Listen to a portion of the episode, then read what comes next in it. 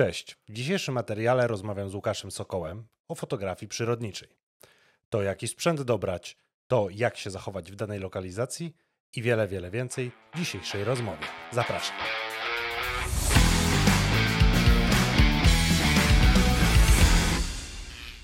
Podcast zasila Marka Newell. Siemanko. Siema, witam. I co, udało się w końcu. Znamy się, myślę, że koło roku i zaczyna nasza się znajomość jakoś mm, odnośnie sprzętu. No, w sumie to powstało chyba przez przypadek jakiś, na jakiś Mi się wydaje, że zachorowałem jakoś, y, no kurde, rok temu na zdjęcia przyrodnicze i tam od słowa do słowa jakiś tam pan Soku Tak, tak, tak. napisał, że, że chyba mogę się odezwać, czy, czy, czy, czy nawet coś poleciłeś od słowa do słowa. No i w sumie fajna znajomość, bo i, i o sprzęcie, i o życiu, i, i jakby o twojej pracy, która jest no, niesamowita. E, Bardzo, bardzo ją doceniam. Natomiast powiedz mi, bo w sumie tego nigdy nie wiedziałem i, i, i cieszę się, bo ten materiał jest jakby nie tylko na podstawie jakby pytań, które sobie przygotowałem, Mhm. ale też na podstawie tego, że chciałbym się dużo fajnych rzeczy do, od ciebie dowiedzieć. To powiedz mi, jak doszło do tego, że robisz to, co robisz, bo jak wiemy, twoja pasja nie jest twoją pracą, bo zajmujesz się Tak. czymś innym. Jest dokładnie tak, jak mówisz. E, pracuję, zajmuję się właściwie projektowaniem graficznym. E, jest to w jakiś może minimalny stopniu powiązane z tego względu, że są to powiedzmy jakieś tam, nazwijmy to, e, branże wizualne. No ale na fotografię jako tako nie jest to moja, moje komercyjne zajęcie. Zaczęło się, można powiedzieć, przez taki istny przypadek. Od klasyka mi się wydaje, od zwykłego, prostego aparatu w, e, w, w liceum, ale wtedy to jeszcze w ogóle nie było mowy o czymś takim, po prostu była to zwykła, tak jak to mówią, klasyczna małpka. Mhm. e, Ale to była co, fotografia jakaś pewnie, tu spacerek, tu tam jakiś kotek tak, i tak, tyle. to była taka fotografia po prostu pstrykania, takie dla Aha, pstrykania. to, to chyba jak większość nas, fotografów. Tak. I no, zaczęło się to jakoś tam we mnie kumulować, ewoluować i był później bardzo długi przestój, bo wiadomo, e, jakoś nie, nie, nie, nie szło to w takim kierunku, żeby to się jakoś super rozwijało, no ale powstał pomysł e, jakoś po studiach, na studiach e, posiadania pierwszej lustrzanki. No. Mhm. Mm, Był to Canon e, 400D, używany oczywiście, znaleziony gdzieś e, na portalu aukcyjnym, zajechany na maksa i wszystko z kitowym obiektywem. No ale dobra, nie oszukujmy się, działał, chciał, więc jakby robił to, co miał robić. Ja Jasne. miałem 550D, więc jakby też pamiętam te czasy doskonale. 50D też był po drodze, ale o tym później. No, z tym aparatem to też było trochę śmiesznie, bo przyszedł, że tak powiem, z kitowym obiektywem. No, Ja wtedy nie miałem zielonego pojęcia kompletnie o niczym. Sprzęt fotograficzny, obsługa to było dla mnie coś, jakaś magia. No i naoglądałem się takich pierwszych zdjęć krajobrazu, bo ja zawsze chciałem na początku robić krajobraz. O, okej. Naoglądałem, naoglądałem się pierwszych zdjęć krajobrazu na portalach takich, które wtedy się rozwijały w Polsce. E, Nie będziemy to tam sypać żadnymi nazwami. No ale poziom był naprawdę wysoki i moje rozczarowanie po wyjściu w teren, e, robiąc te zdjęcia, e, narastało, bo nagle zauważyłem, że aparat sam nie robi zdjęć. Byłem Cóż za zaskoczenie. tak, byłem w totalnym szoku. No przecież mam lustrzankę, Tak. przecież mam kitowy obiektyw. Ta który- lampa wyskakuje, nie? Tak, lampa No. wyskakuje e, i nie działo się nic, co mógłbym zaprezentować gdzieś w internecie, cokolwiek tego pokazać, nie? No i nagle zaczęła się moja, moje rozmyślanie, dlaczego tak się dzieje, wszystko analiza, bawienie się gdzieś tam później tymi plikami RAW, tym wszystkim.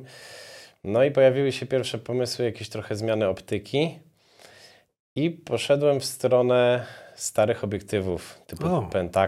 Helios. O, a ja I- bym obstawił, że poszedłeś w pierwsze tele. Jakieś tam, wiesz, Nie. 18600 Nie, nie, właśnie, bo te właśnie to pod jest, APS-C, to, to jest właśnie- śmieszne ogniskowe. nie, właśnie, to jest też taka historia też z tym związana, że nigdy tak się nie stało. Ale paradoksalnie, na przykład ja odbieram stare obiektywy bardziej pod fotografię na przykład portretową, które robią po prostu szał, nie? Tak, e, A krajobraz albo przyroda to tak E, No wiadomo, właśnie- że wtedy nie mieli wyboru, nie?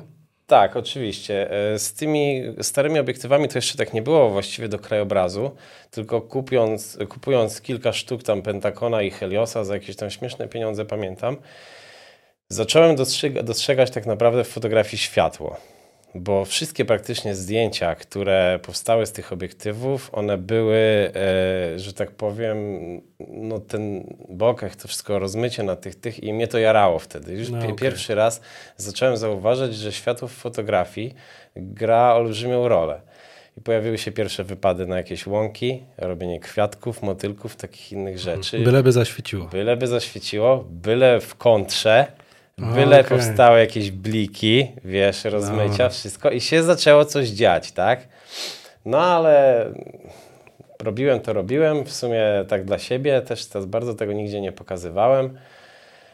No ale po, później się pojawiła, że tak powiem, pierwsza praca moja, taka już po studiach, e, fajnie, że tak powiem, w miarę płatna. No i mogłem sobie pozwolić na zakup e, nowego aparatu i obiektywu stricte do krajobrazu. E, wymieniłem, pamiętam, na 50D Canona, e, co było dla mnie jakościowym zaskoczeniem, jeśli chodziło o wykonanie tego aparatu. I do dzisiaj uważam, że to był jeden z lepszych aparatów body, jakie było wypuszczone. Plus do tego Canon 10-22 mm pod APS-C. Okej. Było coś takiego kiedyś. Być może. Ja dosyć szybko przeskoczyłem z APS-C na pełną klatkę. Ja nie. I to był błąd. To był błąd. To był błąd, bo wtedy już miałem okazję kupić, e, pamiętam, 5D Mark dwójkę chyba, albo jedynkę. No to ja przeszedłem od razu na trójkę i pamiętam, że to były okolice jego premiery. Mhm. Więc no to i tak było kupę lat temu, nie? Nie, nie, to u mnie po prostu u mnie to jakoś ogólnie wtedy o sprzęcie nie wiedziałem praktycznie jeszcze nic. To się No, opiera, no. opierało bardziej po prostu o pstrykanie, zero analizy jakiejkolwiek i Mhm. wszystkiego. No i robiłem ten krajobraz całkiem sporo, sporo czasu. E, różne tam wyjazdy zagraniczne, jakieś tam długie oczywiście naświetlania, to wszystko. No i w miarę chodząc po tym terenie, w miarę odwiedzając te miejscówki, e, już planując światło, planując wschody, planując zachody, patrząc z której strony to e, wszystko się dzieje, pierwszy raz zacząłem to analizować, współpracować z jakimiś e, aplikacjami, takimi rzeczami. Ale co, wschody, zachody? Tak, No, e, okej. godzina, miejsce, czy jakiś las nie przeszkadza, czy jest możliwość, że to światło przejdzie fajnie przez e, drzewa, stworząc jakieś lasery. O, okej. To były pierwsze takie rozkminy. No i e, wtedy pamiętam, że pojawił się pomysł taki, a co by było, a to właśnie jeszcze nie, bo to w, w trakcie właśnie, jak ja już uczestniczyłem w tych krajobrazowych wschodach, zachodach, zacząłem dostrzegać tą przyrodę żywą, że tak powiem, zwierzęta, ptaki, e, ssaki, to wszystko mi towarzyszyło w trakcie. Czyli można powiedzieć, że taki detal krajobrazu. Tak, No. i zaczęło mi to wszystko towarzyszyć w trakcie. I wtedy się pojawił dopiero pomysł, wtedy się pojawił plan. A co by było, jak ja bym spróbował się do tego jakoś zbliżyć? Okej. I wtedy powstał pomysł posiadania pierwszego teleobiektywu. Mhm. I nie był to 100, 500, jakiś tam kitowy czy coś takiego. 100, 500 to jeszcze już nie najgorzej, nie? Ale by, by są takie szkiełka chyba 18, tam 300. Tak, I są. wiesz, ja sam pamiętam, że miałem jakiegoś Tamrona i pamiętam, że wiesz, wow, bo jednym obiektywem robisz wszystko, nie? No nie do Ale końca. wtedy taka ciemnica i no, miał swoje bolączki. Ja od samego początku miałem w sobie jakoś tak zaszczepione, powiem ci, e, byłem e, zakochany w stałkach. Dla mnie po prostu to było. e, No światełko, nie? Tak, to było dla mnie oczywiste rozwiązanie. Stałka, stałka po prostu sprawia to, że ja wiem, co ja chcę osiągnąć, tak? I też fajnie ogranicza, Tak, bo ja się śmieję, że wtedy masz zoom w nogach. dokładnie. No. To tak, wiadomo, że w przyrodzie sobie nie zawsze możesz podejść wszystko, Mhm. ale mm, sprawia to jednak, że bardziej analizujesz całą sytuację, bardziej analizujesz podejście do fotografii i starasz się wykorzystać to, co masz w maksymalnym tego stopniu, nie? No i tak, właśnie wracając do tego, pojawił się Canon 7D Mark O, II. Klasyka do fotografii przyrody. Tak, e, w połączeniu z pierwszym teleobiektywem moim stałką to był Canon 400 ze światłem 5.6. O, to żeś się od razu poleciał. Y, Czy ja wiem, czy poleciał? Uważam, Bo chyba to 300 jest taka też dosyć popularna kanonowska chyba, 300 nie? F4, 4, no. ale ja na początku strasznie się bałem e, braku milimetrów. A, że zabraknie. Że no, zabraknie. Klasyka. Klasyka. Później to oczywiście zostało rozwiane, ale to na kolejnym etapie. Że da się inaczej. No. że da się inaczej i e, pojawił się ten 7D Mark II z tym tym. Zasięg był niesamowity, nawet wtedy dla mnie, no bo crop w połączeniu z 400 mm to się robiło z tego jakieś 640 i to było sporo. Tylko potem do tego wszystkiego już zaczęło dochodzić tak zwane doświadczenie, analizowanie jeszcze bardziej wszystkiego, zbliżanie się do tej przyrody w sposób taki, żeby jej nie zakłócać, żeby jej nie stresować. I właśnie to był ten moment przełomowy, kiedy ja wiedziałem, że ja to chcę robić. I to było te wow. Ja chcę tylko iść w, w ten typ fotografii, w nic innego. Powstało to wtedy, kiedy kupiłem pierwszą siatkę maskującą za jakieś tam też grosze. Z tym ciemnym obiektywem, z tym aparatem e, kropem, który szumiał niemiłosiernie na tym ciemnym, e, e, ciemnym obiektywie. Pojawiła się pierwsze wyjazdy, nazwijmy to komercyjne, do czatowni takich udostępnianych, No. e, płatnych. I pojawiło się wtedy prawdziwe zaszczepienie przyrody we mnie.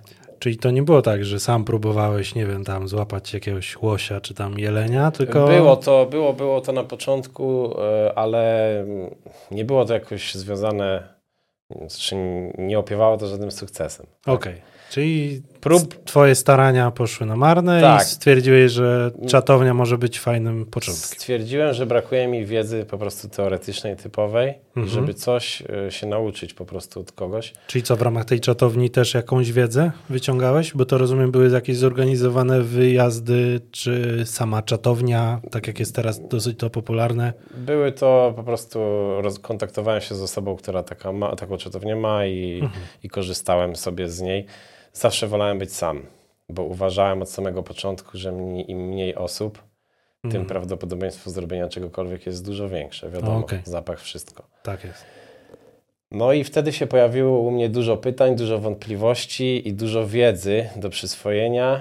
I w tym też momencie zacząłem poznawać mnóstwo ciekawych naprawdę ludzi. Mhm. Mnóstwo ludzi, y, którym mogę podziękować tutaj. Myślę, że te osoby będą wiedziały, o kim mówię. mówię.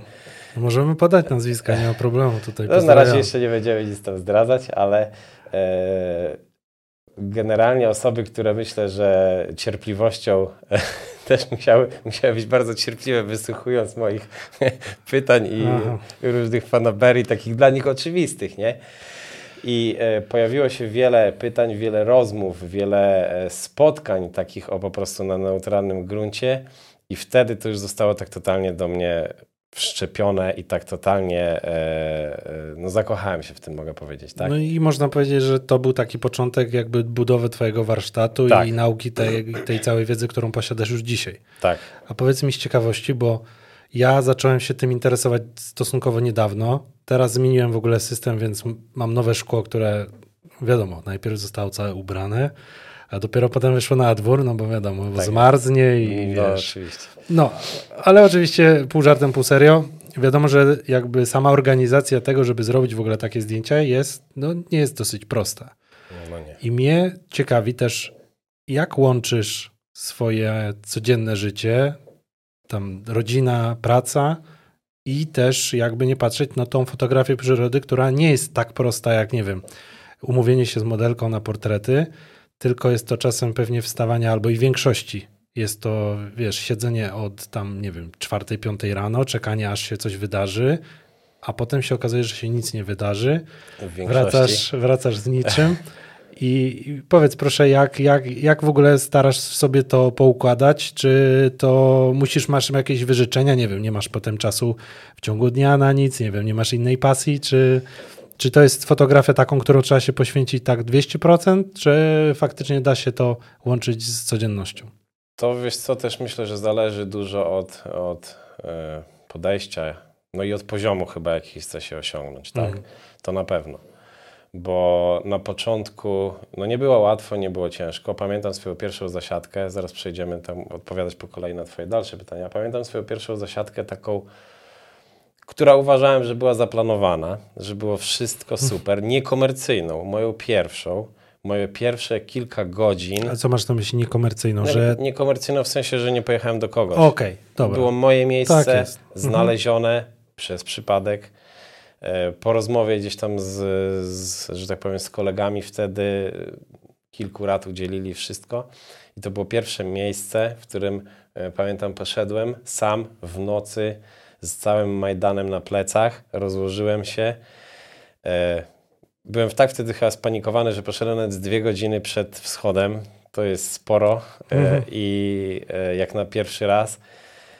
I to, co ja wtedy przeżyłem, samemu, przykryty siatką maskującą, gdzie nie widziałem nic oprócz własnego czubka nosa Mhm. i to, co ja słyszałem, to, co ja czułem wewnętrznie i Ale wszystko. miałeś już jakąś wiedzę, więc to nie było jakieś randomowe miejsce, tylko takie, które uważałeś przynajmniej na Tak, podstawie wiedzy, którą że coś masz, się może że wydarzyć. to okej, dobra. że coś się może wydarzyć.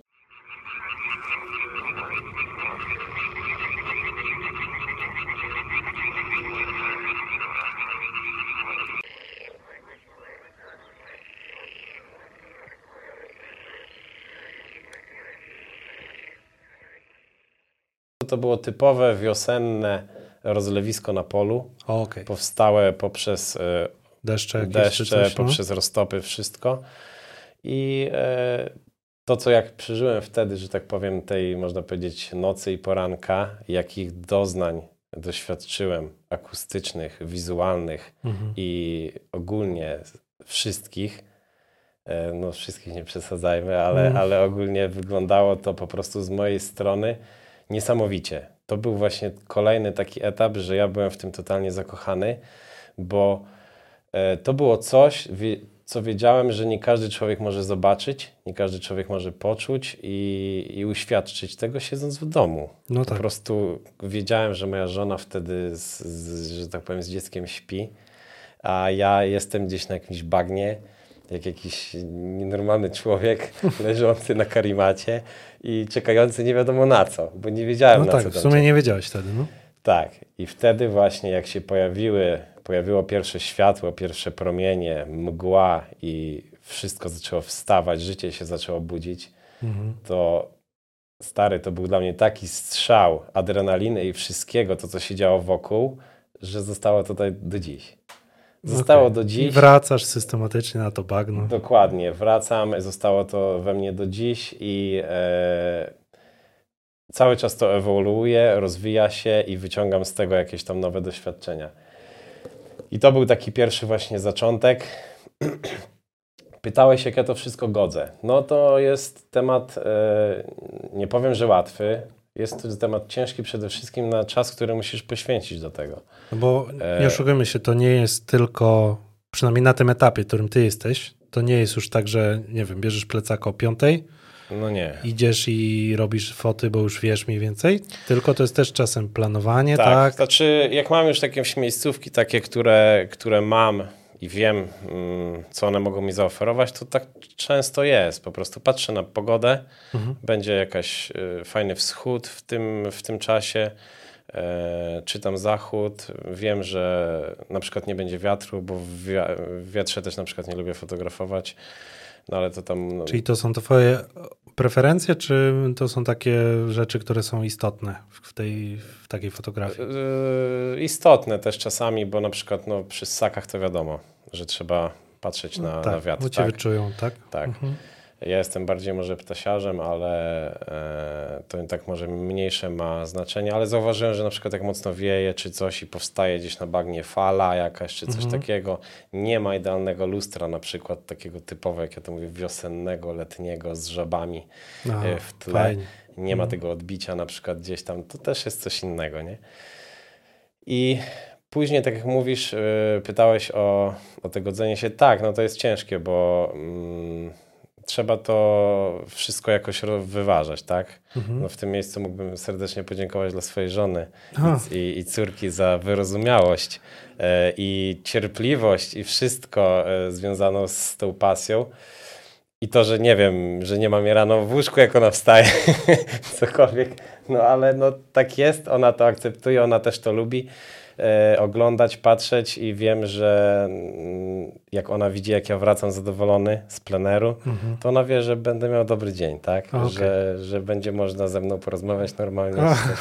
To też nie jest tak, że jak ja wracam bez niczego, to że jestem wściekły czy coś takiego. Na początku tak było, naprawdę. Starania na przykład pamiętam e, związane z, e, z wiosenną kukułką. To myślę, Okej. że ona pamięta to do dzisiaj, że byłem po prostu wściekły i że nie chciała usiąść tak, jakbym chciał. Mhm. Nie chciała, nie mogłem jej sfotografować y, w odpowiedniej odległości. Byłem wtedy wściekły, bo wyda- temat się wydaje bardzo prosty, a, a naprawdę był to dla mnie początkowo taki koszmar, nie do przeżycia, nie? Że, Okej. że się nie udało. A powiedz mi, o ilu latach doświadczenia mówimy na dzień dzisiejszy? Kurczę, wiesz co? Ciężko mi odpowiedzieć na to pytanie. Bo No bo jeżeli mówisz, że 5 400D, potem 5D, ja nie biorę pod 7D, uwagę tych, ja doświadczenia tego z tymi to, to aparatami nie muszą... Tak, tak, tylko mówię, chodzi mi o to, że to są na tyle stare aparaty, że jednak to jest jakiś lat, y, lata, no już trochę to, to trwa, nie? 10-15 ten przedział, myślę. Tak? O, proszę. Ale no to, to, kawał po, początek, taki początek z tymi aparatami, co mówisz. No, Bo taki e, typowo fotografia przyrodnicza, no. typowo taka, e, jak jest to teraz zaszczepione, zaczynając od teleobiektywu, no to myślę, że to będzie mm, 6 lat. 6 siedem. lat. No to już kawał czasu. No trochę jest. To jest trochę, trochę. Najgorsze Jest. jest to, że to wszystko się toczy później w pewnym momencie, tak jak teraz, od wiosny do wiosny, czekasz na tę wiosnę.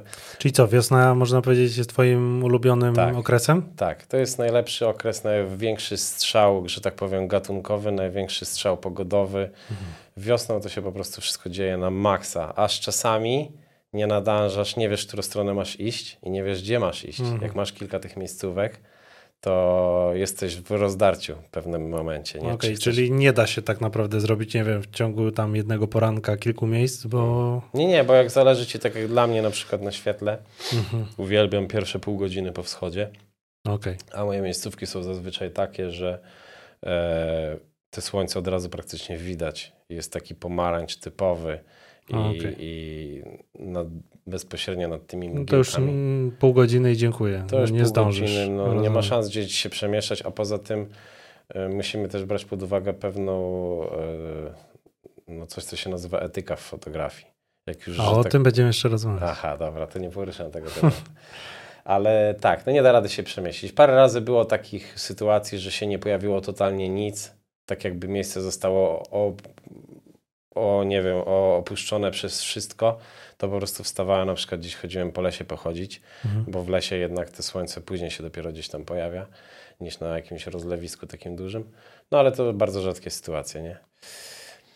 I wracając, bo nie wiem, czy w końcu odpowiedzieliśmy na to pytanie. Tak, potrzeba na to bardzo dużo czasu, bardzo dużo cierpliwości, której fotografia przyrodnicza uczy, bardzo dużo wyrzeczeń, bardzo dużo, no nie wiem, czy można tak powiedzieć, finansowo angażujące. Jest to również, no nie ukrywajmy się. Jeżdżenie, sprawdzanie, e, analizowanie, e, Okej. to wszystko jest A to jest jakiś kolejny etap, kiedy, kiedy, bo powiedzmy, że wydaje mi się przynajmniej, że początkujący, którzy chcieliby się tym zająć, no to wydaje się im chyba, bo ja już trosz, troszkę wiem, chociaż też wolałbym, żeby tak to nie wyglądało, że biorę aparat, idę do lasu, robię zdjęcia, wracam do domu. I który etap to jest po prostu wyższa szkoła jazdy, można tak to nazwać, żeby właśnie jakby zająć się też jeszcze tym planowaniem, zwiedzaniem, e, analizowaniem, czy tam nie wiem, czasem. Myślę, że jak już właśnie się zaczyna analiza tego światła, tych gatunków, rozpoznawania tego wszystkiego, miejscówek, notowania, tak jak w moim przypadku było, Mhm. jeżdżenie systematycznie na to samo miejsce z uporem maniaka. Nawet O, jak nie okej. ma pogody, na to samo miejsce z lornetką, siadasz sobie daleko i oglądasz, co się dzieje, notujesz. w co- różnych godzinach. w różnych okej. godzinach, zazwyczaj czasami poranki, te, których nawet nie fotografuję, e, te, które powinienem spędzić w domu, bo była jest brzydka pogoda i to, to, jest moja zasada, że ja się nie ruszam w brzydką pogodę, nie fotografuję. Mhm. Bo dla to robisz to, rozeznanie, to tak? robię rozeznanie, okay. tak. I, i, I to wszystko badam, jak to wygląda. A powiedz mi, gdzie taką wiedzę można zdobyć? Mam tu na myśli, nie wiem, kiedy wiatr jest odpowiedni.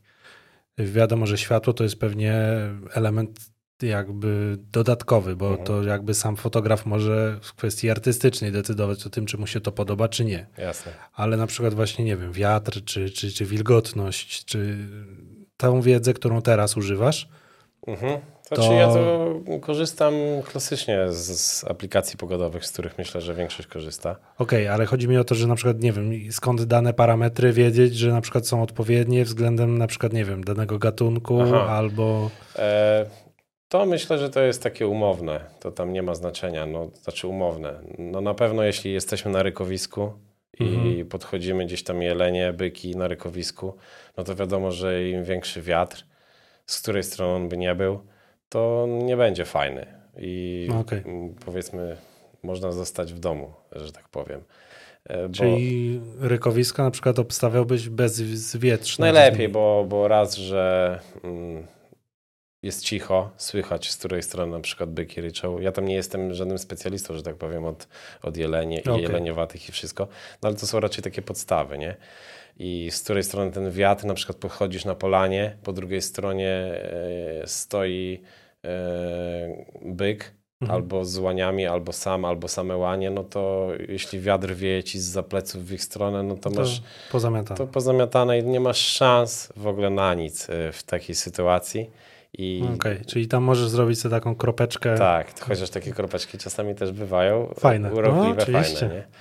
To nie ma... Swoją drogą, przecież fotografia przyrody to nie jest tylko portret tak. Y, i wiesz, oko jakiegoś tam wspaniałego zwierzaka, tylko na przykład też szeroki plan i, i powiedzmy, nie wiem, no wyróżniające się, nie wiem, żółty ptak, czy tam jakieś inne zwierzę. Tak, no ja od jakiegoś czasu unikam coraz bardziej typowego portretowego fotografowania, bo znaczy ja szanuję to, tego typu fotografię, tak? Mhm. No, dla mnie jest ok, wszystko w porządku. Myślę, że to jest taka fotografia początkującego. Niekoniecznie, no wiesz, to wszystko zależy od podejścia, jakie ktoś ma. No, jeśli okay. mówimy o jakichś y, wydawnictwach, atlasach, albumach czy coś takiego, no to tam są profesjonalnych nawet, to tam jest tylko taka fotografia potrzebna. No tak, no bo jakby czytelnik potrzebuje tego mieć wiedza. Wiedzy. Musi być wiedza no. o gatunku, gdzieś tam wszystko, mm -hmm. ale myślę, że to już w większości zostało uzupełnione i, i, i fajnie. Czyli o, można powiedzieć, że teraz bardziej stawiasz na artystyczną tak, fotografię tak. przyrody. Tak, bardziej mi się to podoba, bardziej mi się to wkręca. Zabawa światłem i wszystkim i wcale tak jak mówiłeś, ten nawet jeleń byka wcale nie musi być wielki, z wielkim porożem, wiadomo. O, przeżycie, jest całkowicie, by było, no. przeżycie jest całkowicie inne, jak robisz takiego byka blisko, mhm. a robisz go gdzieś dalej. E, ale no, nie zawsze to jest tak, że ten portret będzie lepszy od jakiegoś tam krajobrazowego, takiego typowo środowiskowego zdjęcia dla danego gatunku, bo co jest też super, bo wyobraź sobie byka stojącego gdzieś pod ścianą lasu e, z tak. wielkim porożem a za ściany lasu na przykład przez ścianę lasu prześwietla słońce i powstają takie lasery. okay. No to, to już możemy sobie takie rzeczy... To nadal nie mam... tylko samo zwierzę, ale jakby sama ta aura tak, dookoła. Tak, nadal mam to w głowie takie kadry i może one kiedyś powstaną. No i super, i życzę Ci tego. A powiedz mi, e, bo to jest dla mnie dosyć ciekawe, bo widziałem to i wielokrotnie, i w internecie, i też chyba ostatnio u Ciebie. E, zacząłeś albo już to robiłeś, pracujesz w wodzie? Tak. E, I moje pytanie brzmi, bo ja nie wiem, nie wiem, może, może ktoś inny też tak ma, ale dla mnie sprzęt fotograficzny i woda to jest po prostu jakaś rzeźnia. Nie? Ja się po prostu tego panicznie boję. Ogólnie woda też nie jest moim najlepszym mhm. środowiskiem i no i powiedz dwa słowa, jak to, jak to w ogóle wygląda, bo wiem, że są i różne jakieś konstrukcje pływające mhm. i są tam, nie wiem, po prostu z łapy robisz w woderach, tak? Wiesz co, e, no takie zdjęcia, w sumie większość zdjęć, które powstały moje gdzieś tam nad wodą, e, to zazwyczaj było maksymalne przysunięcie się do lustra wody, maksymalne przysunięcie się do... Ale nadal z brzegu, rozumiem. Nadal z brzegu. Okay. Mhm. Grząskiego czasami, mhm. potąd w błocie, nieraz, z mokrą klatą, bo karimata nie uchroni cię przez, przed wszystkim i czasami gdzieś tam się coś przeleje. Mhm. Oczywiście sprzęt jest odpowiednio zabezpieczony, ale no, trzeba uważać, tak? E, bo znaczy myślę, że jak sprzęt położysz nawet na karimacie czy czymkolwiek, to się absolutnie nic nie stanie, a umówmy się, to też nie jest taka konstrukcja, żeby ona zaraz przyjmowała na siebie jakiekolwiek takie e, błędy drobne. Mhm. E, ale to tak, to z brzegu no to jest fajne, szybkie, sprawne i zazwyczaj mm, po brzegu coś e, chodzi z tych miejsc, gdzie, gdzie ja fotografuję. Zawsze uważałem, zawsze uważam, że woda to życie i do wody zawsze coś e, przyjdzie.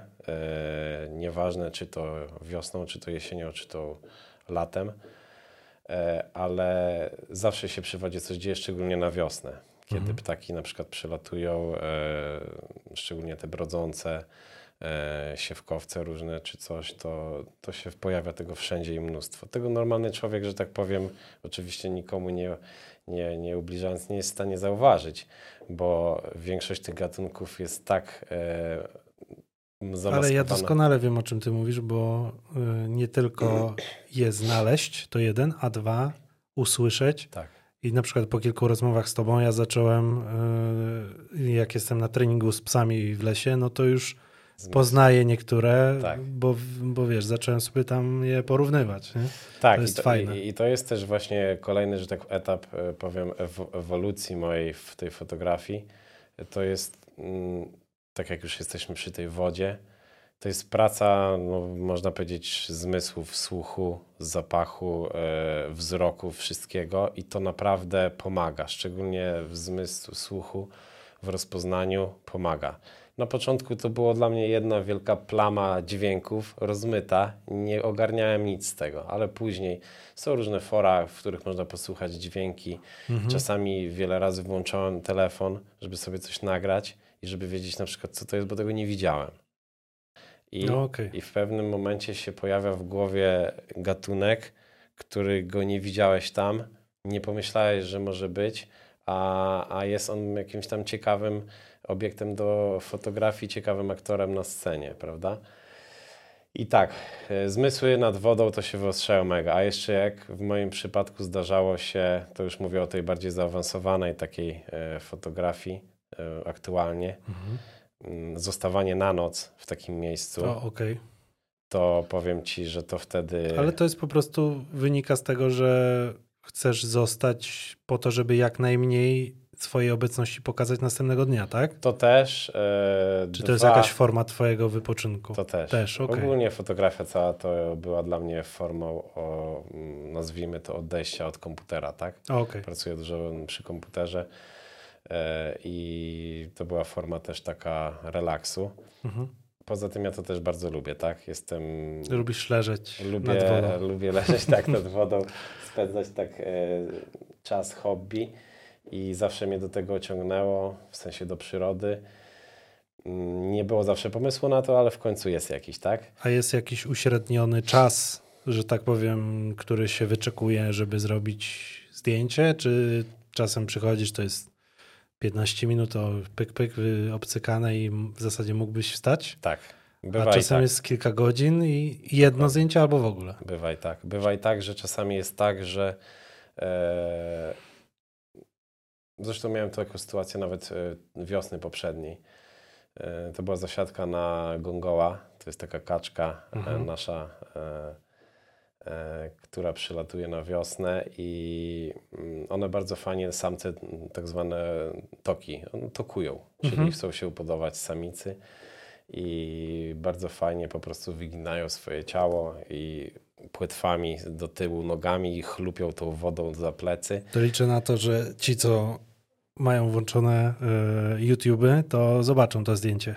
E, myślę, że tak. Tak, tak, bo jest kilka zdjęć, które powstały właśnie z tamtej zasiadki i to był typowy, klasyczny taki przypadek e, i przykład, że po prostu kładziesz się odpowiednio wcześniej, bo musisz odleżeć te dwie godziny w nocy, które przyszedłeś po omacku, mhm. się po, po, prostu rozstawiłeś, żeby niczego nie płoszyć, nic cię nie zauważyło. Odleżałeś swoje, słońce wschodzi, 15 minut pierwszy ogień, wszystko się pali od słońca, kontra totalna, gongą ląduje, bach, taniec odstawia, robisz serię, koniec. Czyli byliście umówieni, cyk, tak, przyleciał. dokładnie. To jest tak jak w tamtym moment to jest tak jakby podpisał ze mną umowę, nie? I to był po prostu cyk. Ja mogłem już iść do domu wtedy, tak? Niesamowite. Niesamowite jest to, że, yy, że to, to jest, można powiedzieć, że to jest fart? Czy... Tak, w przyrodzie, w fotografii przyrodniczej trzeba też, nie, nie, ma, nie ma co ukrywać, się liczy szczęście, Mhm. bo to, to bez tego to też się nie da. Oczywiście pomaga, da rady pomóc temu szczęściu poprzez, poprzez tą obserwację, o której wcześniej mówiłem. Mhm. I to bardzo dużo pomaga, ale ten fart czasami naprawdę pomaga i powstają niesamowite zdjęcia. Mogę tutaj za przykład dać e, zdjęcie mojego lisa, takiego, którym pije wodę z zamarzniętej rzeki, który gdzieś tam się tej wody trochę pojawiło. Mhm. To też był, Pamiętam, tak. mówiłeś mi o tej, o tej historii. to jest zdjęcie, które powstało, no nie ukrywajmy się, przez przypadek. Ja tego nie planowałem. No kto planuje, że lis będzie próbował przejść przez rzekę, wpadnie do niej, wyjdzie, było minus 20, oszroni się i jeszcze się na koniec z miłą chęcią napije wody z rzeki. No litości. No, to jest totalny przypadek. No tak. Zasłużyłeś na, na to zdjęcie. Tak, ja byłem wtedy na wydrach. No, totalnie czym innym po prostu. Okej. I leżałem na brzegu i już miałem serdecznie dość. Pamiętam, bo bardzo mi się to zdjęcie podobało i chyba mi nawet pokazywałeś zdjęcie, jak on e, wpadł do tej wody. Tak, tak, tak, bo miałem No. całą serię, jak on wychodził i się tam gdzieś tam o- otrzypywał z tego. I no, próbowałem tymi trzęsącymi się zdrewniałymi rękoma, o, o, że tak powiem, okiełznać aparat i zrobić mu zdjęcie. No, No, no, no. ale udało się, tak? I uważam, że to y, jest tam gdzieś tam jedna z moich ulubionych y, fotografii. A powiedz mi, bo fotografia przyrody wiąże się często, jakby pewnie kogoś z ulicy zapytać, z gościem, który jest ubrany cały na moro. Mhm. E, Ma na sobie jakieś tam siatki, elementy, wiesz, takiego tam mchu i tak dalej, że wygląda praktycznie jak chodzące drzewo. Mhm. I chciałem się cię zapytać, ile w tym jest tak naprawdę mm, zabawy, a ile jest w tym tak naprawdę potrzeby, no bo ja nie ukrywam, że też się na początku, wiesz, można powiedzieć, zajarałem i, i chętnie bym kupił cały strój, Mhm. ale w sumie summa summarum to chyba nie jest to potrzebne do wszystkiego Mhm. i jakbyś powiedział dwa słowa odnośnie kamuflażu? E, zacznijmy od takiego totalnie ekstremalnego, który wszyscy kojarzą, że on na pewno to ma i w tym robi.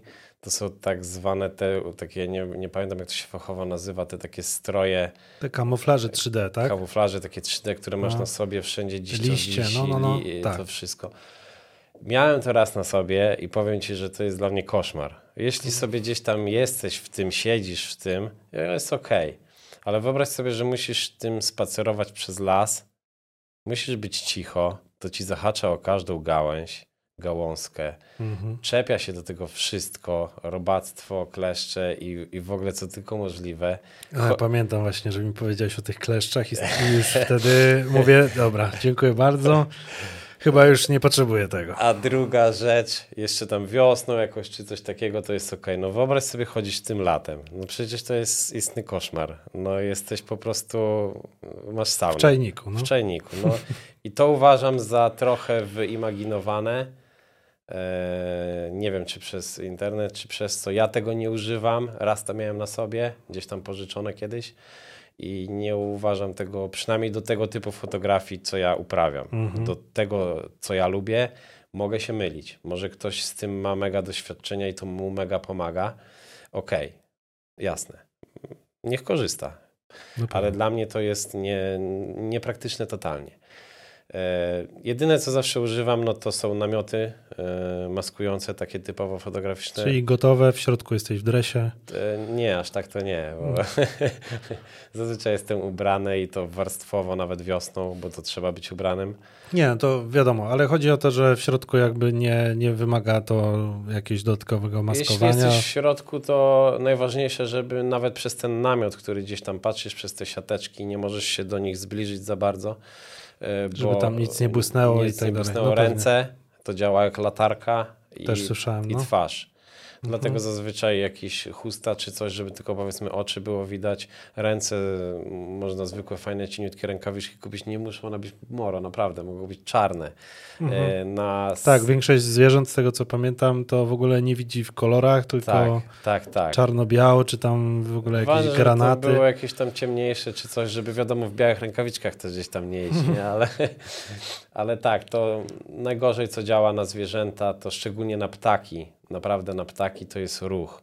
E, ruch, dźwięk no, czasami tak, e, to zależy też od e, gatunku jaki trafisz, ale ruch e, i to czy ty będziesz leżał, czy ty będziesz siedział, mam wiele zdjęć, które powstały z siedzenia zwykłego, bez żadnego maskowania. I zdjęcie powstało super. Ptak nie robił sobie żadnej, e, żadnych obaw. Masz na myśli siedzenia bez żadnego czatowni, po prostu usiadłeś bez ruchu, Tak, tak na czekałeś. przykład mam zrobioną e, brzęczkę. E, to jest taki fajny ptaszek, który siada na trzcinach Mhm. i e, śpiewa na wiosnę. E, I po prostu usiadłem sobie na górce na skraju pola. Ta brzęczka skakała sobie z, e, z trzcinki na trzcinkę. Poczekałem aż wzejdzie słońce. Akurat słońce wschodziło tak jak przesunąłem się w miejsce, gdzie to słońce chcę, żeby wzeszło. Tak? Dlatego nie miałem ze sobą nic. To był zwykły spacer wiosenny w celu rozeznania. Usiadłem sobie, żeby być jak najniżej, ale bez żadnego kamuflażu. Wyciągnąłem nogi, położyłem obiektyw i wszystko. Super. Jedyne, czego się w takim przypadku na przykład ten ptaszek obawiał i wszystko, no to e, odbicia z przedniej soczewki słońca. Okej. Bo jak No ruszasz, to Zmienia się powstaje, kąt, no powstaje pewnie. pewien Mhm. ruch i to ptaki, że tak powiem, wprawia, że one są bardzo czujne. Dobra, a powiedz mi, y, jak to jest na przykład z tymi czatowniami, y, że przygotowujesz się też konkretnie w dane miejsce, czy to jest kwestia prób i błędów, że przychodzisz, rozstawiasz, ok, dzisiaj nic się nie udało, ptaki czy tam zwierzęta są nieprzyzwyczajone, jakieś dziwactwo stoi i nie ma ich na przykład tego dnia. To tak. Trzeba ich jakoś przyzwyczajać, rozumiem. Znaczy, początki takie były, nadal tak e, robię, jeśli tego wymaga sytuacja. Wiesz, bo to jest też tak, są gatunki, które naprawdę się boją, które są wrażliwe, ale są też gatunki, które no, nie robią sobie totalnie nic w Twojej obecności, a możesz się świetnie sfotografować. Na przykład Mhm. ptaki brodzące, albo na przykład... E, Mówimy tu na przykład o czapli, E, Tak? To, te, to też zależy jaka czapla. Są Okej. takie czaple, które ci zajrzy do obiektywu e, centralnie, proszę. a są takie, które będą na odległość po prostu już e, uciekały. Na przykład ostatnio byłem parę dni temu na żurawiach, no to żurawie są mega wrażliwymi e, ptakami, jeśli są gdzieś tam na swoim rewirze, mm, nazwijmy to lęgowym, w jakimś tam obszarze takim, gdzie w okolicy tego bagna będą e, się odbywały lęgi, no to one są wrażliwe. Szczególnie są wrażliwe na przykład na, na soczewkę właśnie tą, o której wcześniej mówiłem. Mhm. I, I gdzieś tam światło błysnie czy coś, on widać od razu, głowa odwraca i idzie sobie powolutku. On nie ucieka, absolutnie nie boi się, że wstanie ci w panice, zaraz odleci, po prostu sobie odchodzi dalej. Ale wcześniej tak robiłem i nadal tak robię, że na przykład zostawiam na bagnie siatkę maskującą. Ona nie musi być przygotowana, że ja muszę tam wejść od razu, Tak, czy coś tylko że takiego. to jakiś element zmiany otoczenia. Stawiam na No. sztorce jakieś patyki, Okej. że na brzegu, żeby to stało i po prostu następnego dnia albo, znaczy to leży na przykład cały sezon i po prostu wciskam się tam, tak? Czy, bo dla ptaka, czy dla kogo innego, czy to będzie leżało tak, czy to będzie inaczej, czy to trochę opadnie, to nie ma znaczenia, bo on po prostu musi wiedzieć, że coś w tym miejscu jest, a tym bardziej w miejscu, e, na przykład na jakichś odsłoniętych e, polanach, gdzie nie możesz się wtopić w żaden krzak. Mhm. Nie możesz wejść, wtopić się w trawę, wyciąć sekatorem i wejść w tą trawę, w trzciny czy coś takiego. No to musi to postać trochę, tak? Okej. I to widać e, później w efektach. A powiedz mi, no bo y, okej, to o, o, ka- o kamuflażu już troszkę wiemy. Mhm.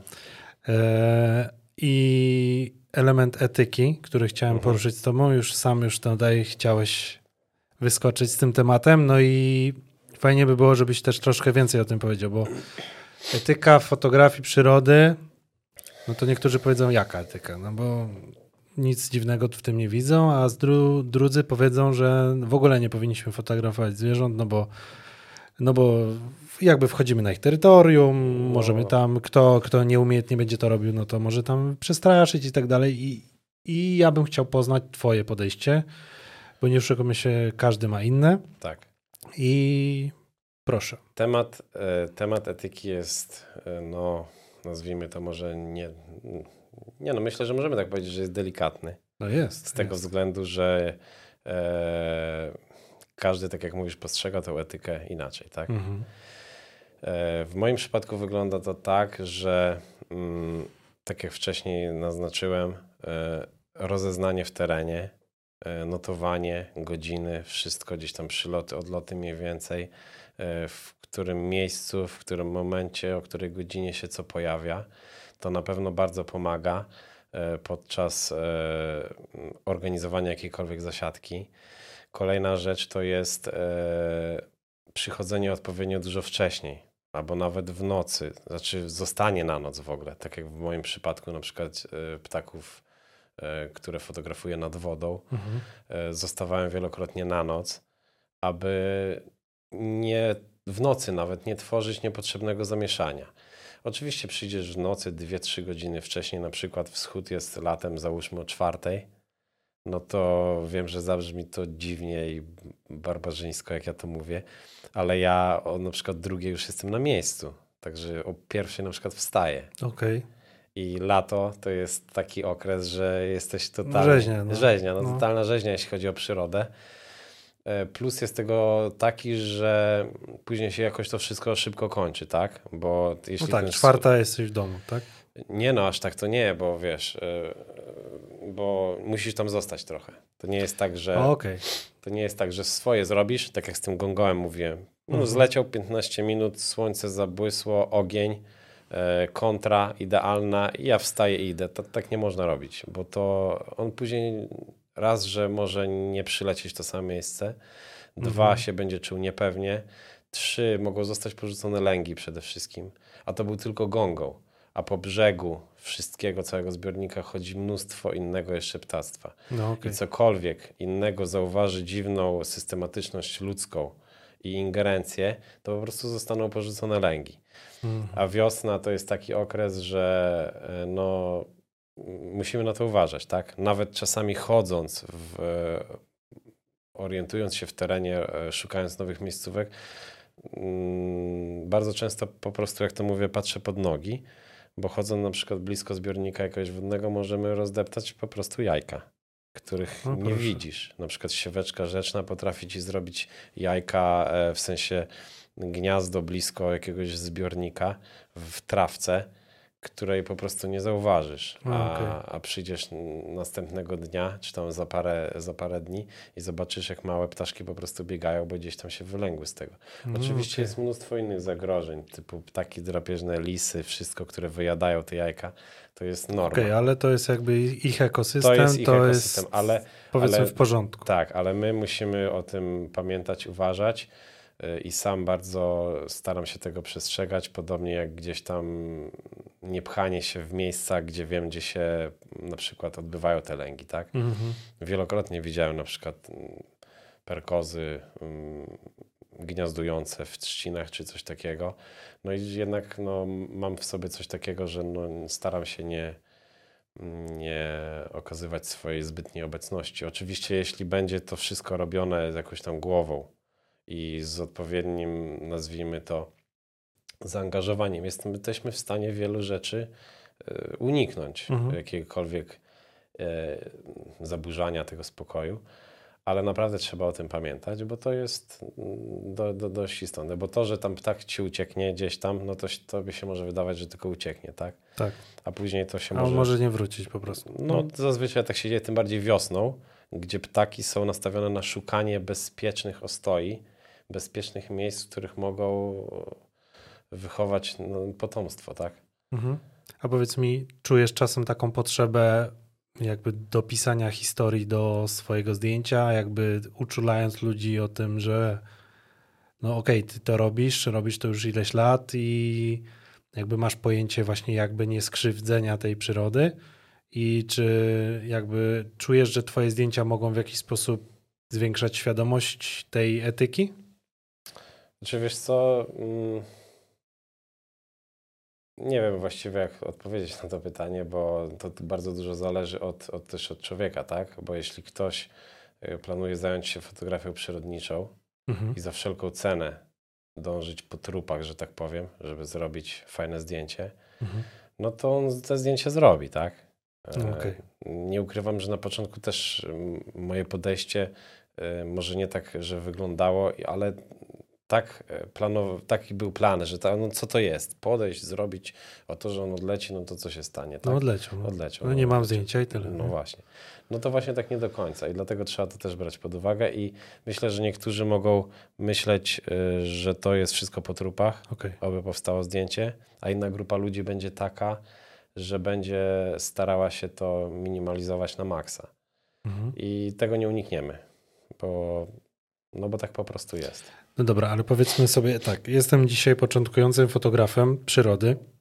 E, mam doświadczenie fotograficzne, kocham zwierzęta, bo nie wiem, mam psy, tak Mhm. jak w moim przypadku, i widzę na grupach na przykład e, danego swojej okolicy, że ktoś robi piękne zdjęcia danego gatunku i nagle jest wysyp. Tych zdjęć jest na przykład, nie wiem, 15 różnych fotografów, czyli okazuje się, że dany gatunek pojawia się w danej okolicy. Mhm.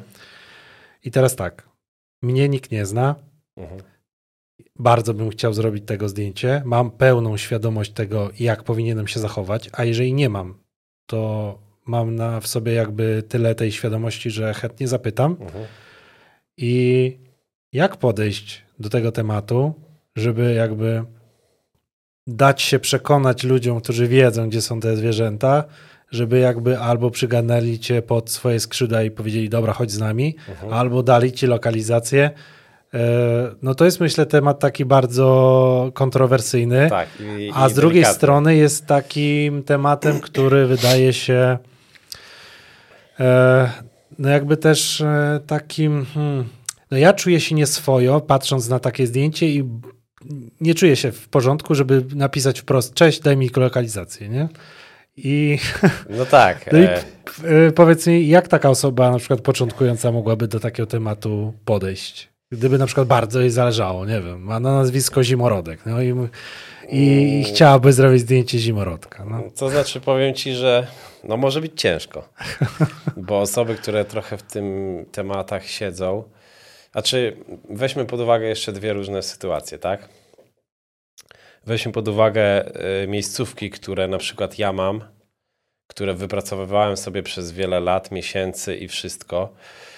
y, Na ten temat wiem. Jeździłem, wypalone hektolitry paliwa, a jeszcze dodatkowo nie wspominałem rower. Rower jest też mega zaangażowany w tą fotografię Mhm. i po prostu czasami było tak, że żona wracała z pracy, żeby nie angażować samochodu wszystkiego, no to ja siadałem na rower, jechałem Mhm. i było to w ramach sportu e, rozrywki i dodatkowo To stąd ten rower. tak, i dodatkowo z objazdu wszystkich miejscówek, z lornetką wrzuconą gdzieś tam w plecach i wszystko wiedziałem na ten temat, co się tam dzieje, czy nadal się coś tam dzieje, czy na przykład jakieś ptaki mają już lęgi, Mhm. wszystko na ten temat wiedziałem, tak?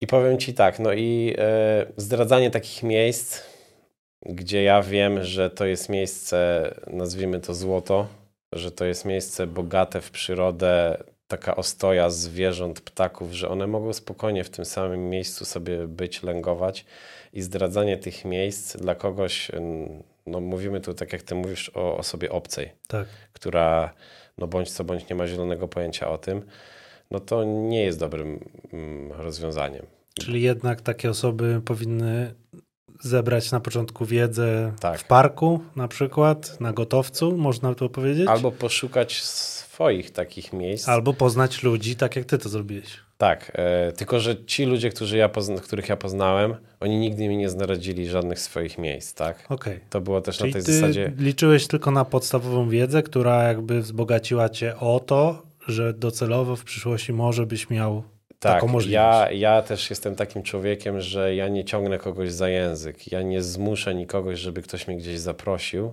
Mhm. żebym się gdzieś wprosił. Ja jestem takim człowiekiem, że dla mnie e, oprócz tego, co na początku jeździłem, aby zdobyć tą wiedzę o zwierzętach, gdzieś tam w tych czatowniach, nie wiem, tych komercyjnych kilka razy się było, e, to oprócz tego czasu e, dla mnie największą frajdę sprawia e, coś swojego, coś odkrytego e, po mojemu, na nowo, e, wykreowanego w własny sposób, zaobserwowanie tego po swojemu i zrobienie tego po swojemu Mhm. i zostawienie to sobie. Ja wiem, że to brzmi egoistycznie, No niestety. ale niestety w przyrodzie y, i w świecie, jakim żyjemy, ten egoizm jest wręcz wskazany. Z tego względu, że niejednokrotnie po prostu gdzieś tam chodząc, jeżdżąc czy coś, no nie wszyscy się zachowują tak, jak się powinni zachowywać, tak? I te miejsca, które ma ktoś wypracowane, albo ja tam mam wypracowane, ja ich nie zdradzam. Nie Mhm. dlatego, że jestem egoistą i nie chcę po prostu, żeby ktoś tam był, bo ja wiem, że ta osoba, która, tak jak mówisz, ma na nazwisko Zimorodek i chce pofocić, prawdopodobieństwo, że on pójdzie w ten temat i on przyjedzie w to samo miejsce w środku nocy, on będzie przyjeżdżał, to jest praktycznie nikłe, tak? No bo Okej. takich, e, nazwijmy to, ludzi, to, to naprawdę się trzeba w to zaangażować, tak? To trzeba lubić i, i wszystko. E, Drugą Czyli można powiedzieć, że szansa na zrobienie właśnie specjalnych gatunków, nazwijmy, nazwijmy to, jest mała dla osób, które po prostu by chciały to zrobić? E, Jest, e, korzystając z e, czatowni i miejsc takich komercyjnych. Jest wiele osób w Polsce, które po prostu zapraszają na tego typu warsztaty. Mhm. Dodatkowo zdobywają jakąś tam wiedzę podstawową na ten temat. Dobra, a powiedz mi, no bo nie oszukujmy się, twoje leżenie w błocie, w trawie i tak dalej, jako takie zwieńczenie tego wszystkiego, poświęcenie i tak dalej, są nagrody w różnych konkursach fotograficznych, bo takie też dostałeś. I powiedz mi proszę, e, jak wyglądają takie konkursy, bo wiem, że one mają swoje obostrzenia. Mhm. E, czy są jakieś kategorie, czy tam jak to jest podzielone i pochwal się, y, jakie tam miałeś ostatnio wyróżnienia, czy tam miejsca. E, Z konkursami to jest tak, że e, mm, powiedzmy dzielą się one na, no można tak z góry gdzieś tam założyć, na jakieś takie profesjonalne mega, Mhm. jakieś takie konkursiki, tak, które są po prostu tworzone przez jakieś, nazwijmy to, Okej, a czy u nas w Polsce mamy w takim razie konkursiki, czy konkursy? E, Jest y, kilka takich konkursów, mm, których naprawdę poziom, ogólnie, nie, że tak powiem, poziom fotografii przyrodniczej w Polsce jest na wysokim poziomie naprawdę. Mhm. Uważam, że wynika to z tego, że mamy naprawdę dużo fotografów e, dzikiej przyrody fantastycznych, ale też wynika to z przyrody, która nas otacza, bo uważam, że jest ona super, tak? Mnie na przykład nigdy nie ciągnęło do takich tematów jak e, jakaś tam dżungla, jakieś tam e, tukany czy inne takie kolorowe, dziwne ptaszki. Mnie na przykład do Mhm. tego nigdy nie ciągnęło. Okej, E, Ja uważam, że to, co jest u nas, jest super, tak? I pod przekrój po prostu taki, jaki jest, jest super. No i wracając do konkursów, to jest tak u nas kilka e, ciekawych, a jeśli chodzi o udział i, i wszystko, jak to się odbywa, to mm, jeszcze uprzedzając, na przykład tak jak ktoś patrzy na przykład na zdjęcia, gdzieś tam moje albo ogólnie fotografów, to może pomyśleć, a Photoshop, tak? No, to Photoshop. No, no, właśnie, i to chciałem, żebyś powiedział. Suwaki pojechały w ruch, tak, i on tutaj, tutaj odstawił, tak, bo on jest, on jest, zajmuje się grafiką, no to on na pewno wszystko tutaj już wie i on nie musi się starać, bo on sobie to wszystko w Photoshopie zrobi. No i tu się pojawia problem, Mhm. bo wysyłając zdjęcia na konkursy międzynarodowe, e, które gdzieś tam kończą się albumem fotograficznym, tak, e, jako zwieńczeniem wygranych i nagrodzonych osób, e, to jest etap selekcji tych zdjęć. Wysyłasz na przykład e, 30, załóżmy, e, z tego zostaje wybranych kilka albo żadne, kilkanaście z tak zwanej e, preselekcji. I wtedy e, organizator konkursu, zazwyczaj to jest tak, bo tam formuła jest różna, ale zazwyczaj jest to na etapy podzielone i w tym momencie, kiedy te zdjęcia z preselekcji trafiają, pojawia się informacja, że ty musisz dosłać rawy. Okej, Rawy, Mhm. opis tego zdjęcia, jak ono powstało, wszystko. No i tu się pojawiają schody, bo jeśli komuś się wydaje, że w Photoshopie gdzieś tam coś tam uratuje, a później wyślesz rawa i ten raw będzie jakimś totalnym zdziwieniem wypranym z kolorów i niczego i tam nie będzie mało co będzie z tego zdjęcia, które wysłałeś jako JPEG, Mhm. to zostanie to po prostu odrzucone, zdyskwalifikowane. A mm, metody, jakie są tam dozwolone w obróbce, no to są różne, to zależy od, od konkursów, ale im bardziej gdzieś tam taki profesjonalny konkurs, to e, ogranicza się to tylko wyłącznie, tak jak w moim przypadku, w, moim, w przypadku moich zdjęć, do kontrastu, do odszumienia, o wyostrzenia, do Czyli takie podstawy, no. totalne, jak patrzysz na program do obróbki zdjęć, to pierwsze tam kilka suwaków i, tylko koniec. tyle. I nie możesz tam się bawić w żadne, no oczywiście balans bieli, wszystko, rozjaśnianie, No, przyciemnianie. no, no. I możesz tylko takie rzeczy robić. Krop? Y, oczywiście. Tak. Można, bo, bo czasami trzeba, Mhm. ale jakiekolwiek usuwanie elementów, na przykład usuwanie jakichś traw, bo wchodziło gdzieś tam komuś na oko, jakiemuś Okej. zwierzęciu czy coś takiego, to, nie nie. wchodzi w grę. Nie. A powiedz mi, e, no okej, powiedzmy, że zostało twoje zdjęcie wybrane i twoja historia za tym się kryje taka, że nie wiem, no mój znajomy ma pumę w domu i zrobiłem jej zdjęcie, siema. A, a na przykład osoba, która z tobą konkuruje, to wiesz, była tam, wiesz, gdzieś Aha. w wysokich górach, w śniegu, zrobiła zdjęcie pantery śnieżnej i tam cztery dni leżał w tym, w tej jaskini, żeby mu zrobić zdjęcie i powiedzmy, że no nie wiem, jakościowo jest petarda, no bo tu i tu wyszło to zdjęcie super. Wiem, wiem, wiem do czego pijesz. No. E, to chodzi ci o Są to... różne kategorie w kwestii E, takiej nie, fotografii. Raczej chodzi ci bardziej o to, e, tak mi się wydaje, Czy to że musi być dzika natura, Tak. taka prawdziwa, prawdziwa? chodzi o to, że każdy konkurs ma zastrzeżone, że to nie mogą być zwierzęta hodowane, hodowlane, nie mogą być zdjęcia oswojone. O, Okej. Nie może Okej. być takich, że tak jak twoja znajoma gdzieś tam ma sowy czy Czyli coś ja, takiego. moje zdjęcia już na konkurs nie pojadą. Generalnie nie wiem w jaki sposób to by było też e, ten, e, weryfikowane. Okej. Jeśli ma jakąś, e, nie wiem jak to nazwać, obrączkę, opaskę na nodze, No tak, mają, no. to wiadomo, że to widać, tak? Jak jeśli ją usuniesz, no to będzie też widać, będziesz musiał rawa wysłać. Dobra, wysłałem ci portrecik i nie było widać. No. No, ale to nie wiem jak to jest weryfikowane, ale myślę, że to jest każdy w stanie udowodnić. Okej. Powiedz mi to tylko tak w sumie w formie ciekawostki, czy da się na tym zarobić? Czy to jest fotografia yy, i, na przykład te konkursy to jest jakaś forma zarobku, czy to jest bardziej jakiś dodatek? E, No niektóre konkursy, że tak powiem, nagradzają e, osoby e, za, za, za wygrane, za, za pierwsze, drugie, trzecie miejsce, czy nawet za jakieś Grand Prix. E, To, to, to, to nie ukrywam. W Polsce na przykład udawało się, nazwijmy to, zgarnąć tam nagrody. I to jest całkowicie mm, miłe, przyjemne i, i fajne, fajne uczucie. Problem e, pojawia się, w, a czy międzynarodowo oczywiście też nagradzają, tak? Tylko, że skala, e, jaka jest w konkursach międzynarodowych, na przykład e, udało mi się w tamtym roku dostać się do, do, do dwóch albumów międzynarodowych jako zdjęcie, że tak powiem, wyróżnione, polecane, no to przysyłają na przykład 25-30 tysięcy zdjęć, mm, przychodzi, z tego wybierają jakiś tam procent, No i jest tam te pierwsze, drugie, trzecie miejsce w danej kategorii, no ale są jeszcze tak zwane commended i highly commended, nie? Czyli tak zwane po Okej. prostu polecane. No oczywiście za te polecane nie dostaje się żadnych tam nagród, wszystkiego, ale dla mnie osobiście największą nagrodą jest znalezienie się w gronie tych ludzi, tak? Tak. Bo to jest, nazwijmy to śmietanka światowa, Mhm. i naprawdę można czasami zobaczyć tam takie nazwiska, które w fotografii przyrodniczej są znane i lubiane, doceniane i, i w ogóle. I bycie po prostu w takim albumie, w takim miejscu ze swoją fotografią, ze swoim nazwiskiem, z napisem, dopiskiem Poland. I, I ten to jest super. To jest uczucie takie, możesz sobie to postawić, kupić e, na e, normalnie w ich sklepie i to jest mega wartość dodana. A co do e, jeszcze zarobku e, w tym temacie, bo pewnie chciałbyś to też wiedzieć mm, w fotografii, czy się da na tym zarobić, nie tylko na konkursach. Może i się gdzieś tam da zarobić na tym, pewnie robiąc wydruki, inne rzeczy.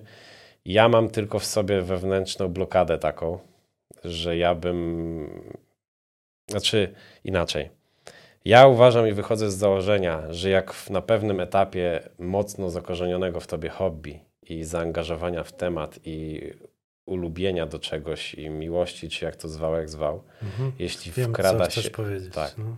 jeśli wkrada się komercja na pewnym etapie i zaangażowanie finansów i pieniędzy, to w pewnym momencie ja się obawiam tego, że ta, że tak powiem, miłość Komercja i przejdzie nad przejdzie nad, pasję. nad No. pasję i to wszystko, i że to może zacząć wygasać. I tego się najbardziej obawiam. I nie wiem, czy to są słuszne obawy, czy nie. Nie chciałbym się o tym przekonywać. I dlatego zostawiam to na takim etapie, póki mam inne źródło dochodu, że jest to dla mnie stuprocentowa pasja od czasu do czasu z jakimś tam dodatkiem finansowym, ale tak jest dobrze. Tak jest dobrze, bo angażuje cię to do większych, lepszych, dalszych działań. Dobra, to teraz ostatnie trzy krótkie pytanka. Jedno może nie jest pytaniem, ale bardziej kwestią sprzętową i, i tutaj troszkę może powiem za ciebie, bo wiem, że pracujesz na Canonie R5, e, 400 2.8 Jasne. i jak widzimy to jest potwór względem mojego Sony 200-600, e, no ale robi to wrażenie. E, to tak bardziej dla widzów, żeby zobaczyli jaka to jest ogromna różnica, bo ty nadal stałka, no to, Tylko to widać, że to, że to jednak robi ogromne wrażenie.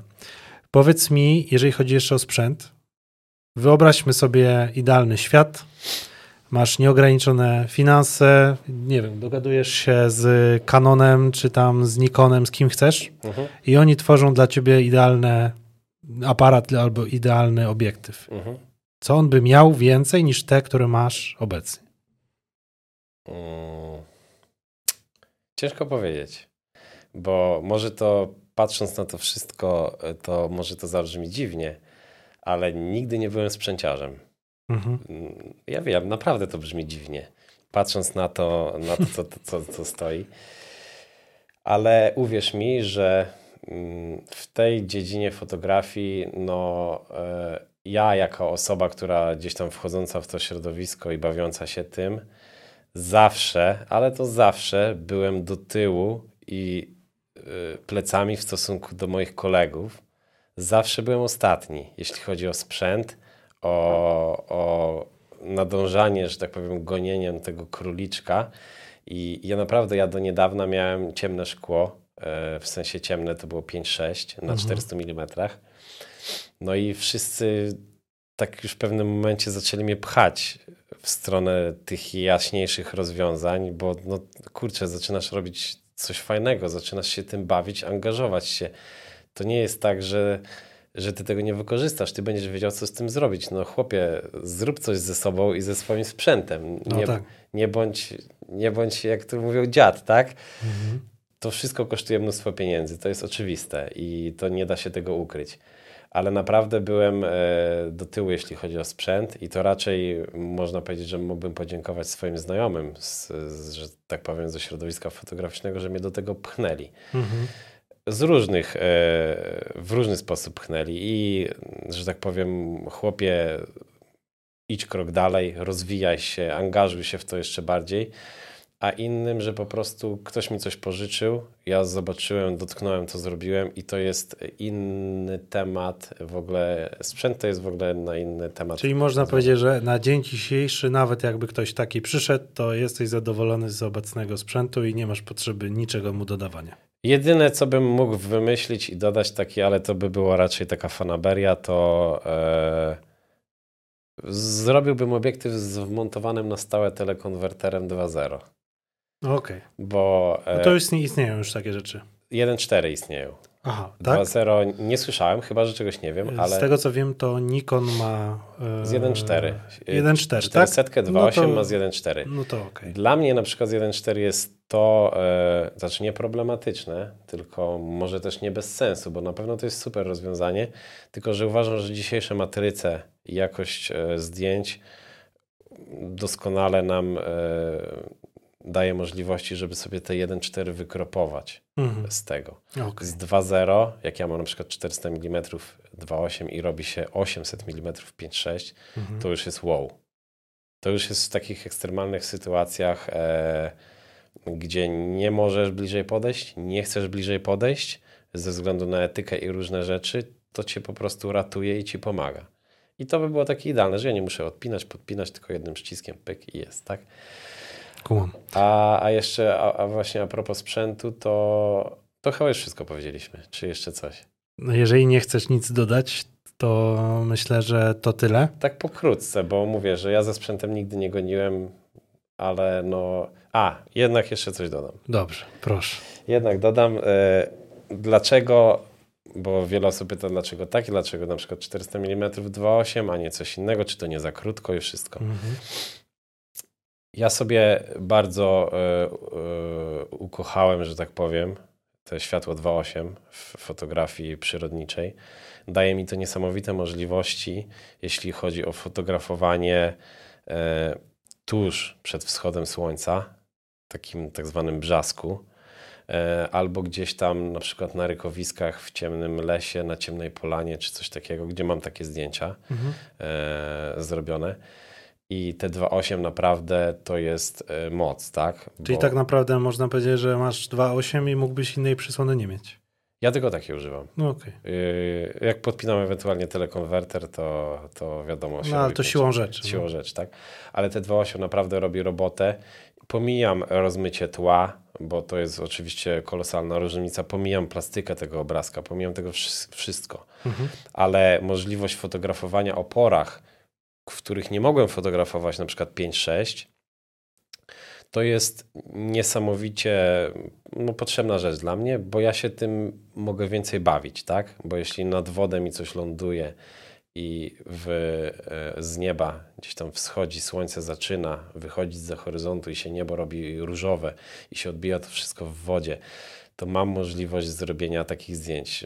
Fajnym przykładem jest takie zdjęcie perkoska, które mam zrobione na, na bagnie, gdzie słońce jeszcze nie wzeszło przez trzciny, przez bagno, przez wszystko, ale odbijał się dosłownie taki jeden punkt, taki jeden snop światła Mhm. i wyczekałem idealny moment, kiedy głowa tego perkoska po prostu wpłynie w ten snop i będę w stanie zarejestrować jego sylwetkę w tym. No 5-6 też by się to dało, ale ISO by nie było wtedy 1000, tylko by Okej. musiało być, nie wiem, 6400 czy coś takiego. Tak? Okej. I to daje dodatkowe możliwości, które oczywiście jak wiemy jak wykorzystać, to wiemy, tak? No okej. Ale jest jeszcze minus, jeśli mogę powiedzieć. Mogę? No możesz. Przednia soczewka jest tak wielka, że jakikolwiek odbicie, załamanie światła czy cokolwiek, to płoszy wszystko niesamowicie. Znaczy O. płoszy. Okej, no to mówiłeś o tym, że odblask potrafi Tak, odbla- zniszczyć wszystko. Y, tak, i to po prostu jest y, tak jakby dystans ucieczki tego zwierzęcia jest całkowicie inny, nie? Mhm. No to trzeba, no to trzeba brać pod uwagę. Coś czuję, że popłynęliśmy. Trochę tak chyba. E, ostatnie pytanie. Jakie jest twoje marzenie, idealny kadr, idealny gatunek? E, I krótko, tak żebyś się wyrobił w dwóch zdaniach. Dobra. E, krótko, gatunku idealnego nie mam. W sensie są gatunki, które bardzo lubię, ale nie mam czegoś takiego, że coś się pojawia i jadę na koniec Polski, bo gdzieś się coś tam pojawiło, tak? Okej, Jakiś, jakiś ptaszek. Nie jestem e, typowym zbieraczem, atlasiarzem, jak to mówią w potocznie. A, że musisz mieć wszystkie? że muszę No. mieć wszystkie, to nie jest jak zbieranie znaczków dla mnie. Dla mnie się liczy, ja mogę zrobić nawet, jak to mówią, gołębia, sieweczkę rzeczną, ale ona musi być zrobiona pięknie, fajnie, Tak jak chciałeś. tak jak chciałem. Okej. Także nie mam takiego. Jeśli chodzi o marzenia fotograficzne, to są oczywiście. E, ulubione gatunki też są, bardzo lubię, uwielbiam cokolwiek sowy. Dla mnie sowy to jest po prostu coś tajemniczego, mega takiego. Może dlatego, że są rzadkie, może dlatego, że są niezauważalne i wszystko.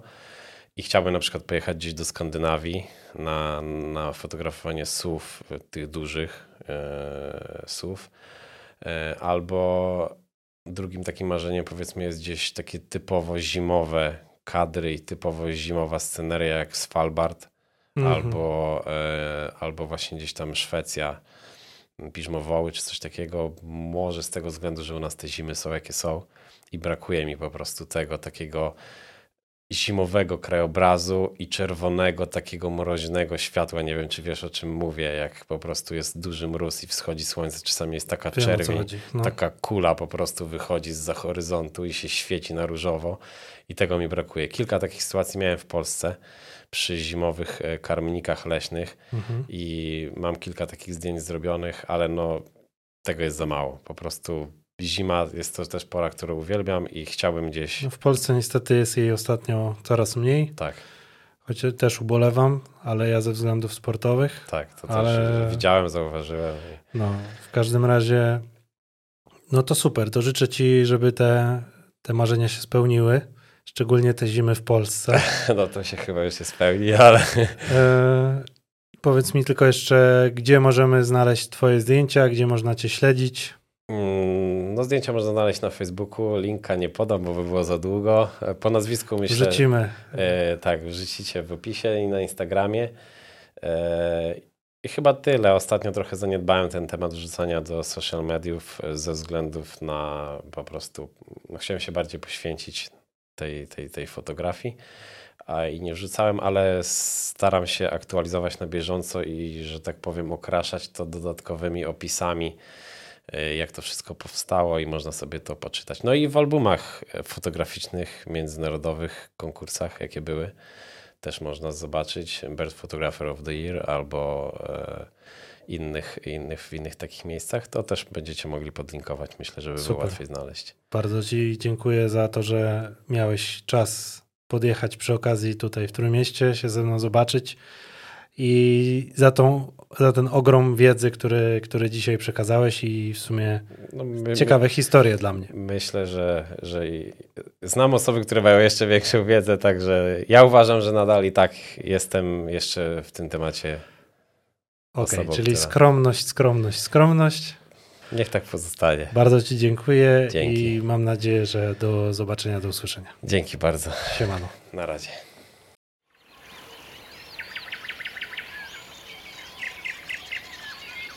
To tyle w dzisiejszym materiale. Dziękuję Ci za poświęcony czas. Zachęcam do subskrypcji tego kanału, żeby nie przegapić kolejnych materiałów oraz do spojrzenia w opis tego filmu, w którym znajdziesz linki do mojego gościa oraz pełen zakres, jeżeli chodzi o oświetlenie tego materiału marki Newell. Dzięki, do zobaczenia za tydzień w piątek o godzinie 19. Na razie.